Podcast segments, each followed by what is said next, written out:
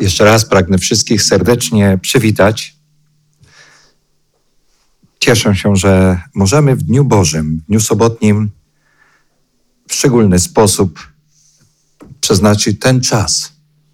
Czas na Słowo Boże. Chrystus Pan powiedział, że człowiek nie tylko chlebem żyje, nie tylko tym, co możemy zobaczyć, posmakować, ale przede wszystkim Słowem Bożym, które zmienia wszystko w naszym życiu. Żyjemy w świecie, w którym wiele ludzi się tak zachowuje, jakby wszystko zależało od nas. Właściwie mamy wpływ na wszystko, sądzimy, nawet na pogodę, na klimat. To my jesteśmy panami tego świata. Właściwie jesteśmy pewni siebie, zarozumiali do momentu, kiedy pojawią się poważne przeszkody, problemy. Ten czas stajemy się tacy troszeczkę osamotnieni, bezradni, bezsilni. Nie wiemy, co zrobić, co dalej. Szczególnie teraz, gdy porowił, pojawił się COVID-19, e, to do wielu ludzi dotarła świadomość, że grozi nam niebezpieczeństwo. Szczególnie kiedy oglądamy sprawozdania dziennikach, które pokazują tysiące ludzi, którzy zmarli z tego powodu. Wówczas może pojawić się pytanie, co zrobić, jak się zabezpieczyć, jak uratować się przed intruzem. E, a może e, w końcu uda się jakieś lekarstwo znaleźć albo jakąś szczepionkę, która może, może nam pomóc. W świetle tych różnych rozmyślań pojawiają się też inne kwestie. Czy ludzie religijni są w lepszej sytuacji, czy nie? Jak myślicie? Czy ludzie wierzący mają przewagę nad ludźmi niewierzącymi? Czy rzeczywiście ludzie wierzący też chorują, też umierają i COVID-19 też ich atakuje? Sądzę, że ludzie wierzący mają przewagę. Sądzę, że ludzie wierzący może nawet są tego nieświadomi, że znajdują się w takim szczególnym tunelu, osłonie Bożej. Gdybyśmy mogli otworzyć nasze oczy i zobaczyć świat niewidzialny, to byśmy byli zaskoczeni, jaką szczególną opieką Bóg nas otacza. Ktoś może powiedzieć, no to co, chrześcijanie nie mają problemu? Mają problemy i chciałbym się do tego ustosunkować, ale chcę zacytować Psalm 91, przepiękny psalm. Wielu ludzi wierzących właśnie teraz, w tym, w tym czasie, powołuje się na ten psalm. E, niektórzy troszeczkę mm, zbyt y, podchodzą do tych słów w sposób taki bardzo pewny siebie zarozumiały, jakiekolwiek tam restrykcje, zasady, mnie one nie obowiązują, ponieważ Pan Bóg powiedział, kto mieszka pod osłoną Najwyższego, kto przebywa w cieniu Wszechmocnego, ten pod jego skrzydłami znajdzie schronienie. Przepiękny psalm. Tak, to jest prawda. Z tym, że ten psalm ma też i inne przesłanie, o czym chciałbym y, troszeczkę później powiedzieć. Teraz chciałbym zwrócić uwagę na niesamowitego Boga. Na Boga, który właśnie w 48 rozdziale y, i tutaj w tych tekstach, które były przeczytane, Boga, który po prostu przychodzi do nas i chce powiedzieć: Synu, córko, kocham Ciebie. Y, ty nawet nie wiesz, że ja jestem zainteresowany Twoim powodzeniem, pomyślnością. Zajęty jesteś, czy zajęta jesteś wieloma rzeczami. Nie myślisz o mnie. Ja się nie liczę, tylko w chwilach kryzysu. Ale pamiętaj, ja jestem blisko Ciebie. Zwróćmy uwagę na wiersz 17. Tak mówi Pan, Twój odkupiciel, święty izraelski.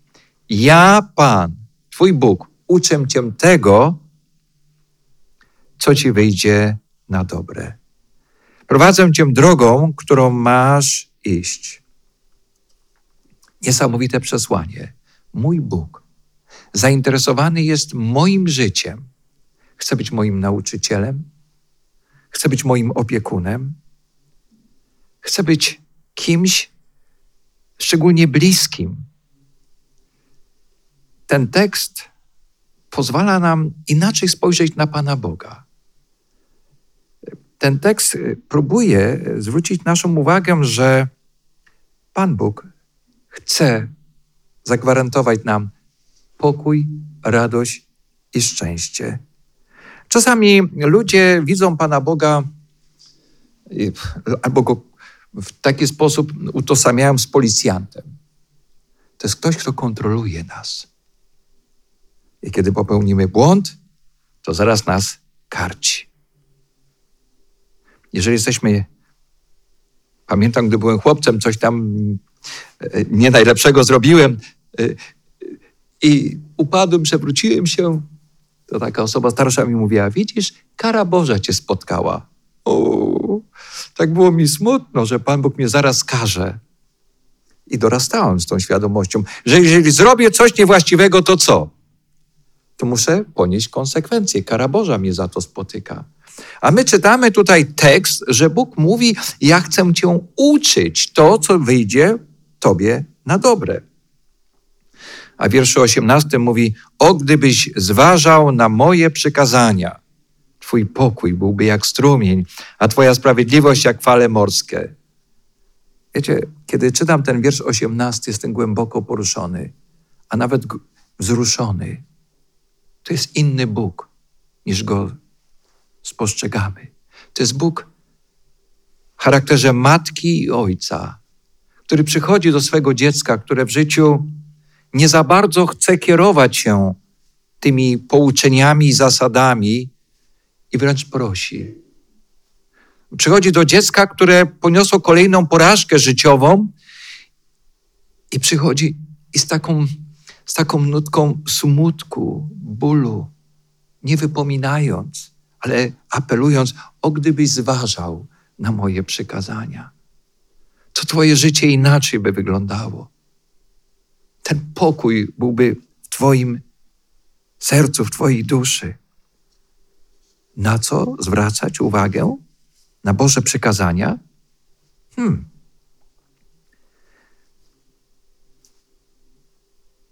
Chciałbym zwrócić uwagę, że wiele ludzi dzisiaj różnie podchodzi do Bożych przykazań.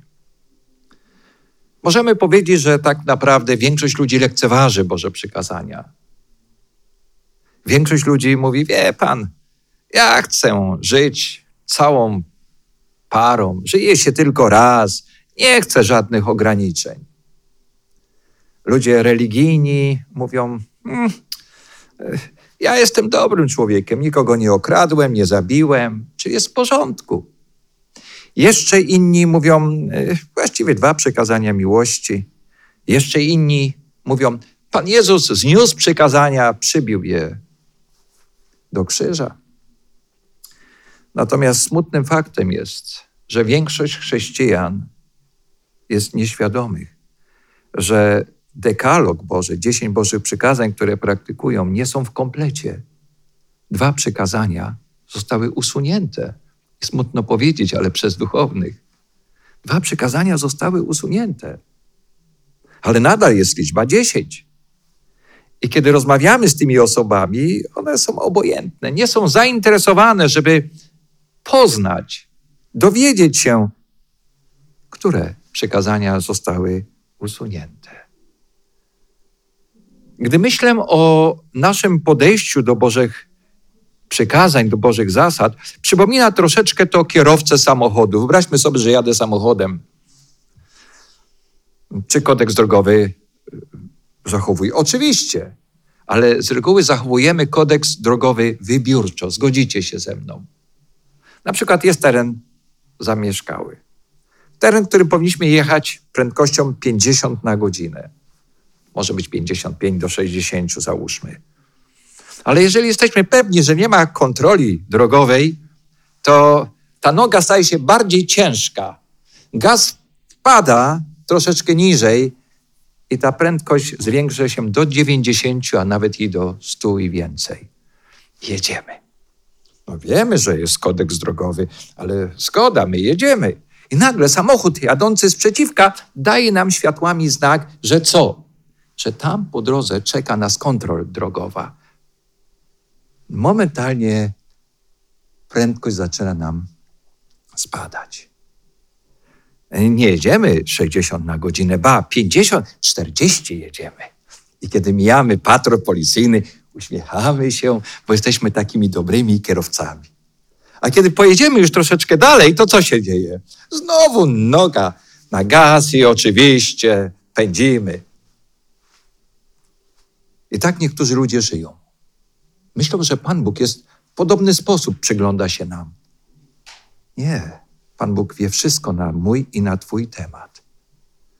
Pan Bóg nie chce, żebyś podchodził do Bożego dekalogu, Bożej konstytucji w podobny sposób. Jeżeli jesteś kierowcą, który poważnie traktuje kodeks drogowy, to ty będziesz jechał właściwą prędkością na terenie zabudowanym nie dlatego, że może cię patrol policyjna zatrzymać, ale dlatego, że może jakieś dziecko wybiec na ulicę za piłką i ty go potrącisz, a nawet doprowadzisz do jego zgonu. Ktoś niewinny z powodu twego przestępstwa będzie cierpiał. Może osoba starsza będzie chciała przejść. Mając słaby wzrok, nie zauważy twój nadjeżdżający samochód. Dlatego nie możesz jechać większą prędkością, nawet gdy się tobie spieszy, bo twoje uczucie szacunku, miłości do drugiego człowieka nie pozwala tobie tą prędkość przekroczyć. Ale nawet, nawet gdybyśmy spojrzeli na to jeszcze troszeczkę inaczej. Jeżeli przekraczam kodeks drogowy, ponoszę pewne konsekwencje, mandat, punkty karne, finansowa strata. No, oczywiście mogę prawo jazdy utracić. Ale kiedy przekraczam przykazania Boże, Boże dekalog, to jest powiedziane, zapłatą za grzech jest śmierć.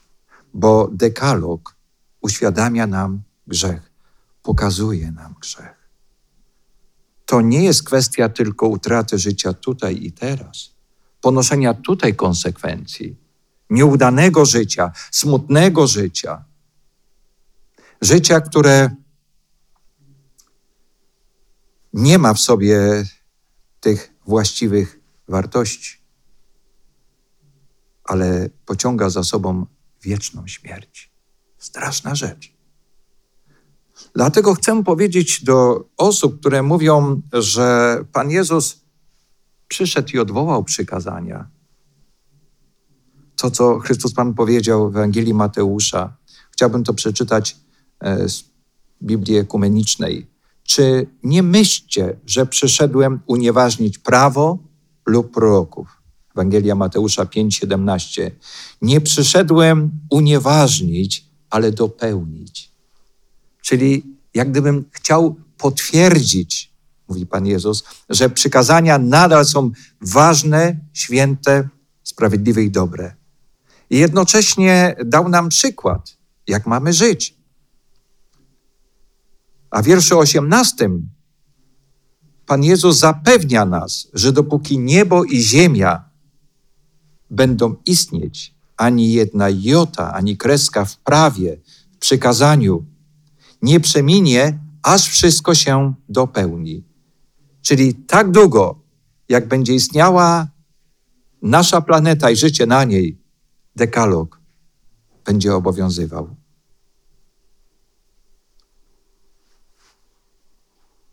Jak możemy odpowiedzieć chrześcijanom, którzy mówią: Proszę pana, dwa przekazania miłości mnie wystarczą? Nie rozumieją, co to jest miłość do Boga i do bliźniego. Dlatego Pan Jezus bardzo konkretnie w Ewangelii Jana, 14 rozdziale i wierszu 15, tak to definiuje. Jeżeli mnie umiłujecie, to co? To przykazania moje zachowywać będziecie. Bardzo prosta rzecz. Dlaczego? Dlatego, że jako ludzie nie rozumiemy, jak bogate są, bogata treść dekalogu, jak wchodzi w różne zagadnienia. Gdybyśmy nie znali dekalogu, moglibyśmy o wiele e, mniej dobrych rzeczy praktykować, zachowywać, albo wręcz byśmy rozumieli to w sposób zupełnie inny. Dalej Pan Jezus mówi, na tym polega bowiem miłość ku Bogu, to jest pierwszy list Jana 5, 2, 3, że się przestrzega przykazań Jego, a przykazania Jego nie są uciążliwe. Tak, Boże przykazania są czymś szczególnym. Ale ktoś może powiedzieć, no ale pastorze, chwileczkę, ja jestem słabym człowiekiem. Chcę dobrze żyć. Nie daję rady. Mam takie pragnienie, chcę zachować przykazania, ale nie udaje mi się. Wiesz, odziedziczyłem po moich przodkach skłonności do grzechu. Jest to szczera wypowiedź. Wierzę, że ta osoba mówi tak naprawdę z serca e, to, co czuje, co przeżywa. I można powiedzieć, no przykro mi bardzo, ale tak nie możemy podejść do tego. Musimy zwrócić uwagę temu człowiekowi, że bez względu na to, jaka jest jego sytuacja, bez względu na to, jaką mamy słabość i bez względu na to, ile lat się z nią zmagamy, to nigdy nie jest za późno przyjść do Pana Jezusa i powiedzieć Mu, Panie Jezu, pomóż mi. Ale musi zmienić się nasze zrozumienie. Wielu ludzi nie rozumie, wielu chrześcijan nie rozumie, że chrześcijaństwo to nie jest zbiór zasad wiary, które poznaje, przyjmuje i chce praktykować. Tak, to są ważne rzeczy. Ale chrześcijaństwo to jest ktoś, z kim ja muszę nawiązać łączność, przyjaźń, stałą przyjaźń. Ja tego kiedyś nie rozumiałem. I to był mój błąd ponieważ traciłem wiele wspaniałych chwil, które mogłem doświadczyć, będąc w łączności z Bogiem. Musiałam zrozumieć, że ja z moim Panem muszę być każdego dnia blisko. Dosłownie On musi mnie trzymać w swoich ramionach. W ten czas jestem bezpieczny. Kiedy zacząłem myśleć o sobie, bardzo łatwo mogę się zagubić.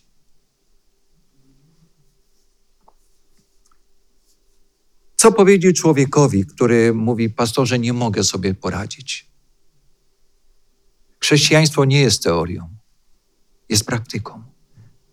Nie rozumiałem, że istotą jest nie tylko zgłębienie treści Biblii, ale poznanie Boga, zbliżyć się do Niego. Czy kiedykolwiek modliłaś się, modliłeś się w taki sposób, Boże, ja chcę Ciebie bardziej poznać? Oczywiście przez Słowo Boże, ale przez naszą wspólnotę. Ja chcę jak gdyby dotknąć Twojej obecności. Ja potrzebuję tego. Nie jesteś dla mnie teoretycznym Bogiem, bardzo praktycznym, realnym życiu. Zwróćmy uwagę na niesamowitą postawę Pana Jezusa, który, gdy był na naszej ziemi, szukał ludzi. Jak gdyby chciał nam powiedzieć, że on szuka ludzi, którzy mają problemy, którzy mają potrzeby, ludzi, którzy nie mogą sobie poradzić, ludzi, którzy są bezradni. On jest gotowy im pomóc. Niesamowity Bóg. Pewnego dnia, mamy tutaj opis, postanowił udać się do Jericha. Wiecie dlaczego? Bo w Jerichu mieszkał niejaki Zacheusz. I Pan Jezus znał jego problem. Znał jego życie, znał jego imię, znał, właściwie wiedział wszystko o nim. Zacheusz zmagał się z wyrzutami sumienia. Dobrze w życiu mu się wszystko ułożyło. Był przełożony celników. Był zamożnym i bogatym człowiekiem. Miał pieniądze, ale nie miał radości, nie miał szczęścia. Kup, mógł kupować wszystko, co z tego, jak to nie dawało mu żadnej satysfakcji? Był nieszczęśliwy. Jako Izraelita wiedział, że sposób nieuczciwy doszedł do majątku, ale nikt nie byłby gotowy z nim rozmawiać. Z kim? Z takim celnikiem? z kimś, kto współpracuje z okupantem, to jest gorszy od zwyczajnego człowieka, zwyczajnego grzesznika. Kapłani, ci ludzie religijni pogardzali nim. Ten ciężar go przegniatał.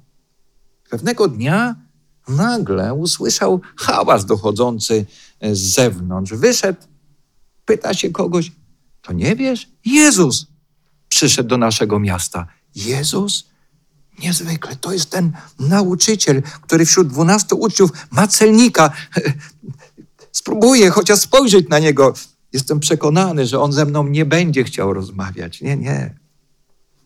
Jestem przekonany, że, że nawet mnie nie wysłucha, ale chociaż, chociaż popatrzę na niego.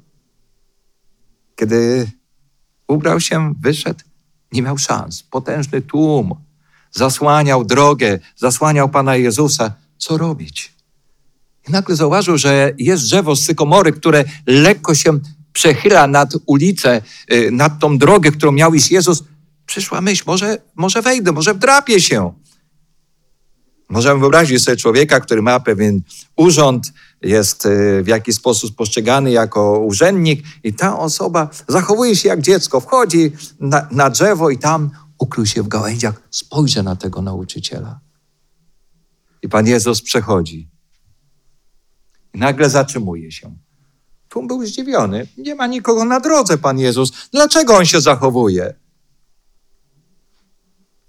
Podnosi głowę do góry i mówi: Hej, ty tam, człowieku, ty nieuczciwy, celniku, dorobiłeś się majątku w sposób nieuczciwy. Jesteś potępiony. Dobrze mu powiedział, prawda? Wszyscy by to chcieli usłyszeć, szczególnie kapłani i ci przywódcy religijni. Ach, jest, to jest to.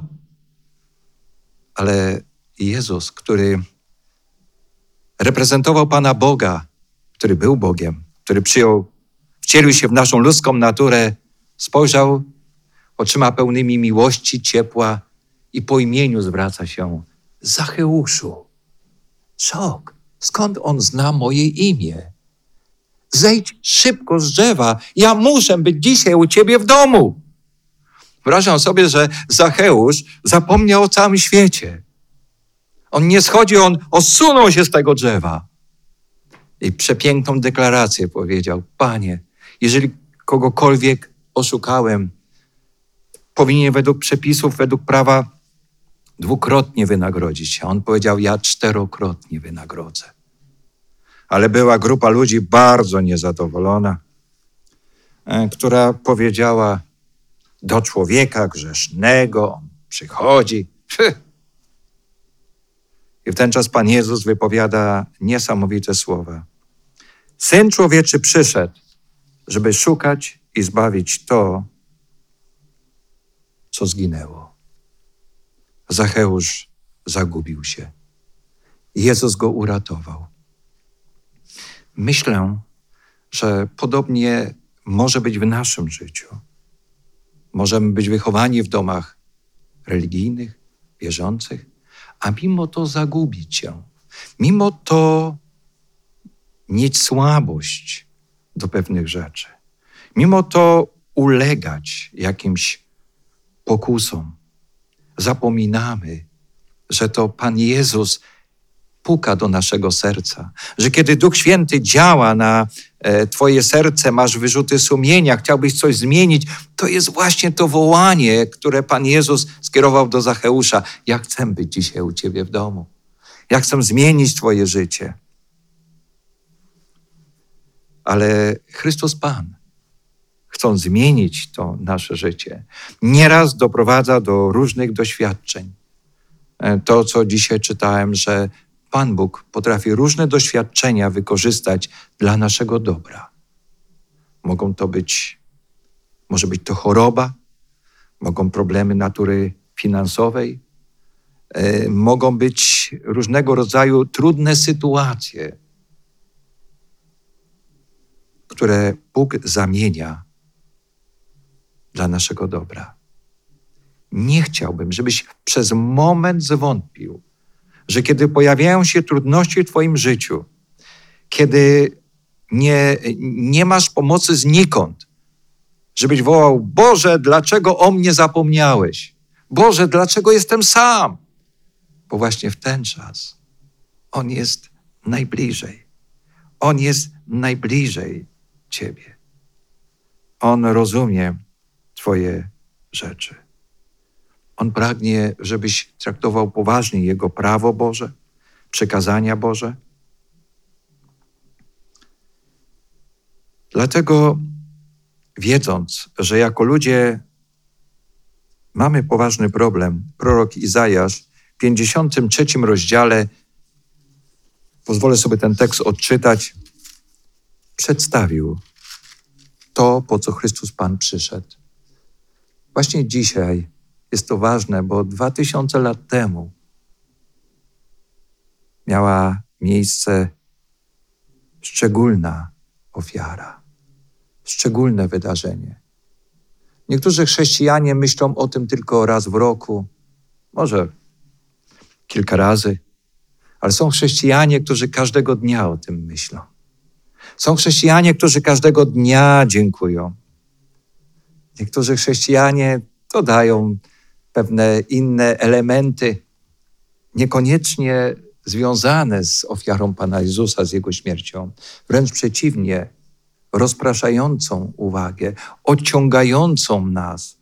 Ważniejsze są te dodatkowe elementy tych świąt, zapominając tak naprawdę, co Chrystus Pan uczynił dla nas.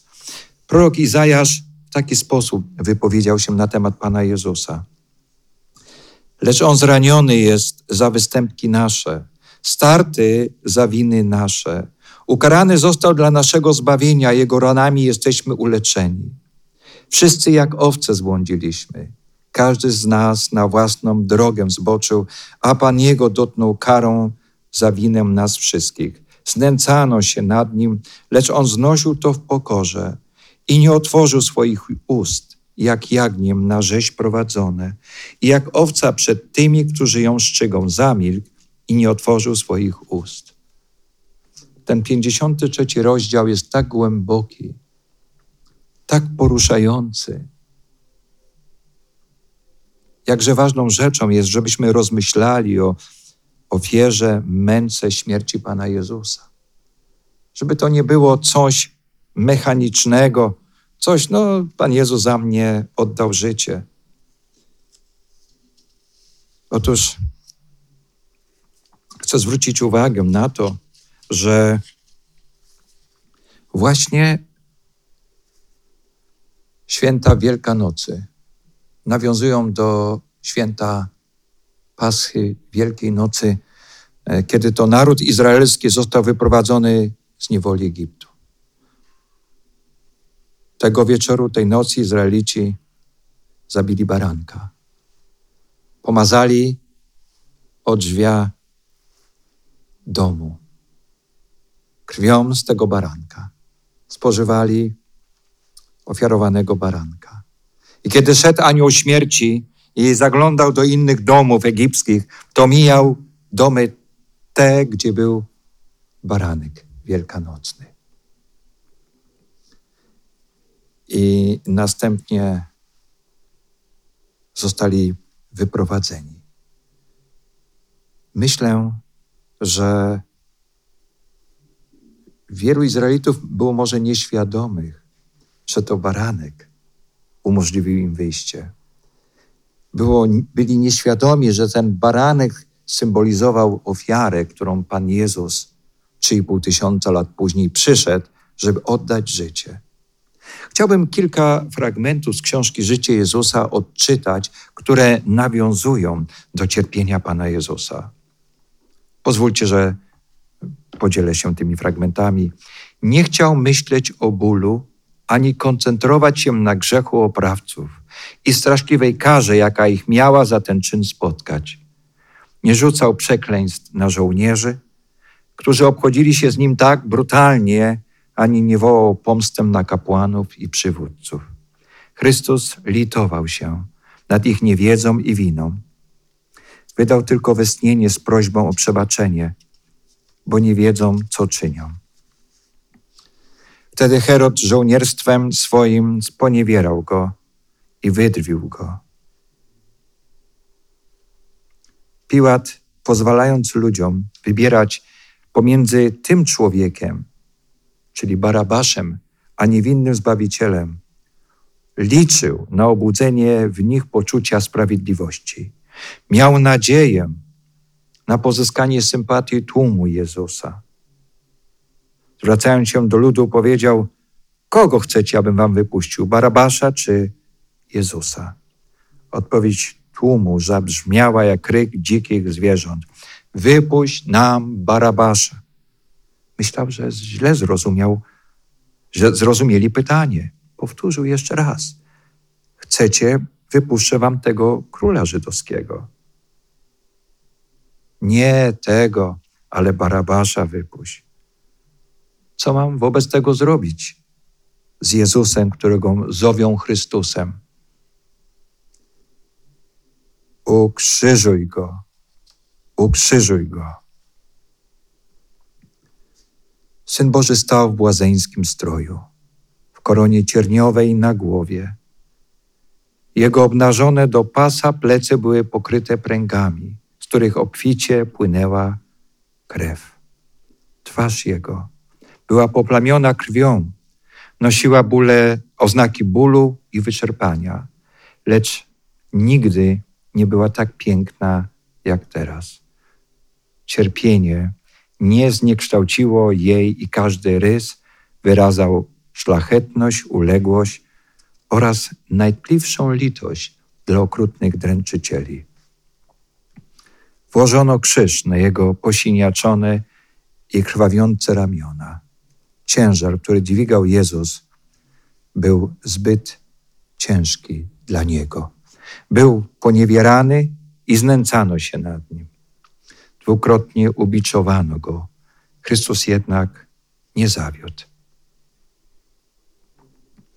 Teraz Pan chwały umierał na krzyżu jako okup za rodzaj ludzki. Gdy Chrystus oddawał swe życie, nie towarzyszyła mu triumfalna radość. Wszystko było przygnębiające. Na Chrystusa zostały złożone nieprawości nas wszystkich. Nasz orędownik został uznany za przestępcę po to, abyśmy mogli być uwolnieni od potępienia. Przepiękny rozdział Golgota. Polecam lekturę. Wtedy nagle ciemność ustąpiła i od krzyża rozległ się donośny głos Jezusa, który na podobieństwo głosu trąby zdawał się rozlegać na cały świat. Zawołał: Wykonało się. A następnie, Ojcze, w ręce Twoje polecam ducha mego. Światłość otoczyła krzyż, a o twarzy Chrystusa bił blask. Opuścił głowę i skonał. Czy możemy mieć jeszcze wątpliwości, że Bóg nas kocha? Czy możemy kiedykolwiek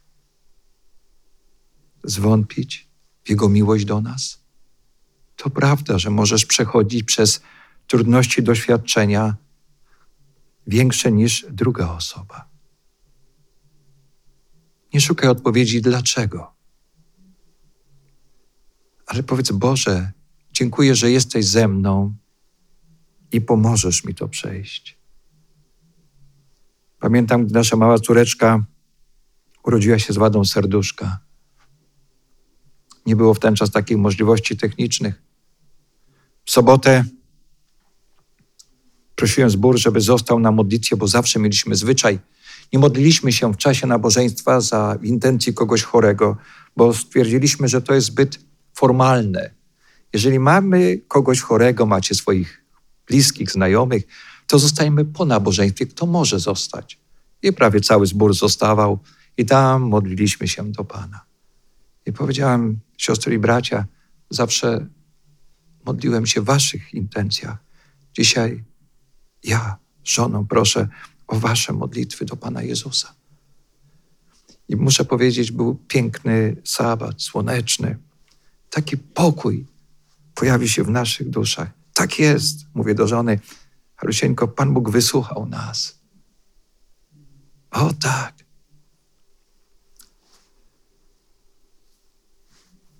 W niedzielę byłem na wykładzie. Wróciłem. Żona mówi, wiesz, Magdusia cały, całe popołudnie płakała. Ja mówię, dobrze, to ja cię teraz zastąpię, połóż się. Wziąłem na ręce, szedłem, próbowałem coś zaśpiewać, wołałem do Pana.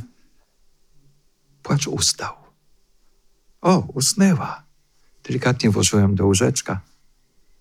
Położyłem się w łóżku obok, właściwie na tapczanie i usnąłem. Nagle zerwałem się. No jak to? Miałem opiekować się dzieckiem, a ja usnąłem. Ale jest cisza. O, podchodzę do łóżeczka, w porządku. Ale coś mnie tknęło. To nie był ten sam wygląd twarzy. I kiedy dotknąłem jej rączek, były zimne. Nie, Panie Boże, to jest niemożliwe. Dotknąłem policzków. Moje córeczki były równie zimne. Ten czas zrozumiałem, że odeszła od nas. Ale jak żonie powiedzieć? E, nie mogę powiedzieć. Nie będę ją budził. Rozmawiałem z Panem. Prosiłem, żeby dał pocieszenie, ulgę, wsparcie. I później nieśmiało mówię, Rusieńko, Magdusia usnęła. Był ból. Były pytania, dlaczego Boże? Ale zaufaliśmy Panu Bogu, który pomógł nam, przeniósł nas przez to doświadczenie. Dlatego, gdy myślę o Psalmie 91, który mówi, że Pan Bóg jest z nami, czy w tej sytuacji koronawirusa mogę czuć się bezpieczny? Czy mogę posiadać pokój i nadzieję? Powiem tak. Nie dlatego, że jesteś tak bardzo odporny, ale dlatego, że Pan Bóg jest z Tobą. I Pan Bóg Cię będzie chronił. To nie znaczy, żebym był człowiekiem lekkomyślnym, ale Pan Bóg oczekuje, że również będziesz okazywał zaufanie i przestrzegał Bożych przykazań. Ale wiele osób cytuje Psalm 91 tylko w jednym celu, żeby powiedzieć, że Pan Bóg nami się opiekuje w sposób fizyczny. Ale ten psalm ma większe przesłanie. Kiedy jest powiedziane, że pokonasz węża, to Pan Bóg chce powiedzieć: Ja chronię Cię przed mocami ciemności. Ja pomagam Tobie w walce siłami zła. Ja pomagam Tobie w chwilach pokus, trudności, Twoich słabości. Ja jestem przy Tobie.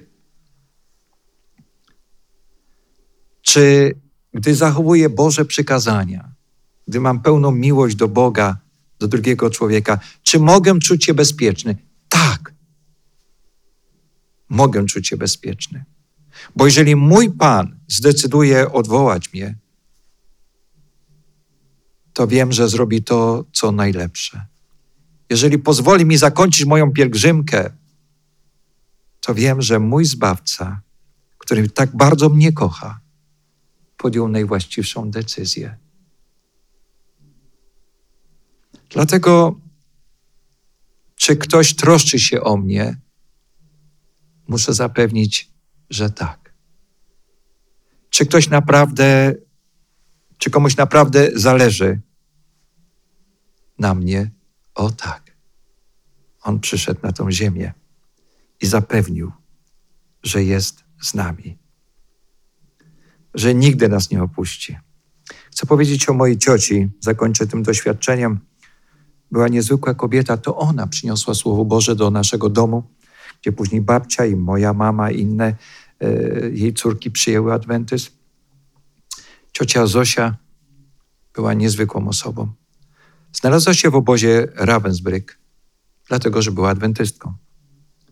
I tam e, przyprowadzono na nią różnego rodzaju eksperymenty lekarskie. Była tak zwanym królikiem doświadczalnym. Utraciła zdrowie. Bóg dał jej tą możliwość powrotu do domu, ale nie była już tak sprawną osobą. Można byłoby spodziewać się, że będzie w jej sercu dużo goryczy, żalu do tych, którzy tą krzywdę jej uczynili, a nawet może do Pana Boga. Nic z tych rzeczy. Nie spotkałam drugiej tak radosnej osoby, tak, e, takiej ciepłej, życzliwej jak ona. Swoim sąsiadom pomagała, potrafiła szyć, e, e, pomagała, robiła za darmo biednym rodzinom. Było to niesamowite, ile ciepła, dobrych rzeczy wniosła w życie drugich ludzi. I kiedy dowiedziałem się, dowiedziała się moja mama, że ciocia jest ciężko chora i może umrzeć, udaliśmy się do niej. Cała rodzina stała przy jej łóżku. Ona usnęła. Czekaliśmy, otworzyła oczy. I ku naszemu zdumieniu jej twarz była pełna radości uśmiechu. Słuchajcie, miałam piękny sen. Tak? Śnił mi się Pan Jezus, który zapełnił mnie, że będę zbawiona. Spojrzała na swego męża, na swoje siostry, na mnie i powiedziała: Do zobaczenia. Do zobaczenia, kiedy przyjdzie nasz Pan. W tych trudnych chwilach trudno jest płakać nawet, kiedy ktoś tak głęboko ma, głęboką łączność ma z Panem Bogiem. Pan Bóg chce nam powiedzieć, wszystkim, którzy obawiają się obecnej sytuacji, epidemii, mówi: Nie bój się, nie lękaj się, ja jestem z Tobą. Ja jestem Twoim Bogiem, ja Ciebie wzmocnię, dam Ci pomoc, podeprę Cię. Pamiętajmy, że łaskawy Bóg jest zainteresowany Tobą i mną i chce ochronić Ciebie i chronić Ciebie, o czym Ty często nie wiesz. Amen.